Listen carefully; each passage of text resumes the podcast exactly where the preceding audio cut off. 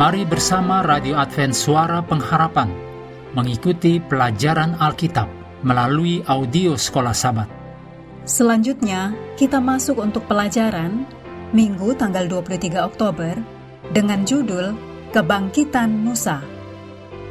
Mari kita mulai dengan doa singkat yang didasarkan dari 1 Petrus 1 ayat 3. Terpujilah Allah dan Bapa Tuhan kita Yesus Kristus, yang karena rahmatnya yang besar telah melahirkan kita kembali oleh kebangkitan Yesus Kristus dari antara orang mati kepada suatu hidup yang penuh pengharapan. Amin.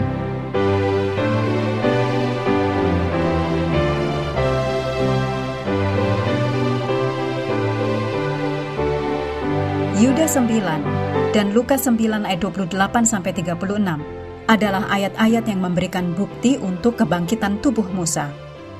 Beberapa bapak gereja Yunani dari Alexandria berpendapat bahwa ketika Musa meninggal, dua Musa terlihat, yang satu hidup dalam roh, yang lain mati dalam tubuh.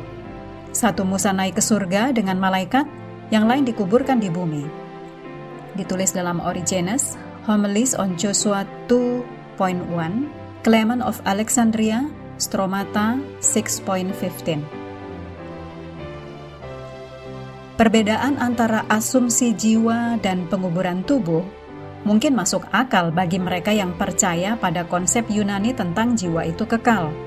Tetapi hal ini tidak ada dalam Alkitab. Yuda 9 menegaskan ajaran Alkitabiah tentang kebangkitan tubuh Musa. Karena perselisihannya adalah tentang tubuh Musa dalam terjemahan baru disebutkan mayat Musa dan bukan tentang jiwa yang dianggap masih hidup. Ulangan 34 ayat 5 sampai 7 memberitahu kita bahwa Musa meninggal pada usia 120 tahun dan Tuhan menguburkannya di tempat tersembunyi di sebuah lembah di tanah Moab. Tetapi Musa tidak tinggal lama di dalam kubur Berikut ini kutipan dari Alfa dan Omega jilid 2 halaman 79 dan 80. Kristus sendiri dengan malaikat-malaikat yang telah menguburkan Musa turun dari surga untuk membangkitkan orang saleh, yaitu Musa yang tidur itu.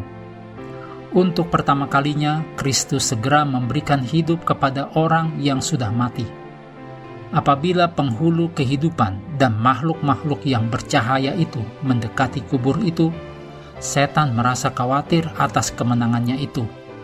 Kristus tidak mau membiarkan dirinya terlibat dalam pergumulan dengan setan. Tetapi Kristus menyerahkan kepada Bapaknya segala perkara itu sambil berkata, Kiranya Tuhan menghardik engkau, ditulis dalam Yudas 9 kebangkitan dipastikan untuk selama-lamanya. Setan kehilangan mangsanya. Orang benar yang sudah mati akan hidup kembali. Bukti yang jelas tentang kebangkitan Musa ditemukan pada peristiwa Yesus dimuliakan di atas gunung. Dalam peristiwa ini, Musa muncul bersama Nabi Elia yang telah diangkat ke surga tanpa melalui kematian. Demikian dalam 2 Raja-Raja 2 ayat 1 sampai 11. Musa dan Elia bahkan berdialog dengan Yesus. Dicatat dalam Lukas 9 ayat 28 sampai 36. Dan ini yang dituliskan dalam ayat 30 dan 31. Dan tampaklah dua orang berbicara dengan dia, yaitu Musa dan Elia. Keduanya menampakkan diri dalam kemuliaan dan berbicara tentang tujuan kepergiannya yang akan digenapinya di Yerusalem. Munculnya Musa pada saat itu adalah bukti yang akan segera dipenuhi untuk kemenangan Kristus atas dosa dan kematian. Digambarkan pada peristiwa ini dalam istilah yang tidak salah lagi. Itu adalah Musa dan Elia yang telah menampakkan diri kepada Yesus di sana, bukan roh mereka, karena bagaimanapun juga Elia tidak pernah mati. Musa tidak diizinkan memasuki Kanaan duniawi yang ditulis dalam Ulangan 34 ayat 1 sampai 4, tetapi dibawa ke Kanaan surgawi. Dari peristiwa ini Allah mengajarkan kepada kita bahwa Allah dapat melakukan jauh lebih banyak daripada yang kita doakan atau pikirkan. seperti yang ternyata dari kuasa yang bekerja di dalam kita. Ditulis dalam Efesus 3 ayat 20. Mengakhiri pelajaran hari ini, mari kembali kepada ayat hafalan kita, Yohanes 11 ayat 25 dan 26. Jawab Yesus, Akulah kebangkitan dan hidup. Barang siapa percaya kepadaku, ia akan hidup, walaupun ia sudah mati. Dan setiap orang yang hidup dan yang percaya kepadaku, tidak akan mati selama-lamanya. Percayakah engkau akan hal ini? Kami mendorong Anda untuk terus mengambil waktu bersekutu dengan Tuhan setiap hari bersama dengan seluruh anggota keluarga.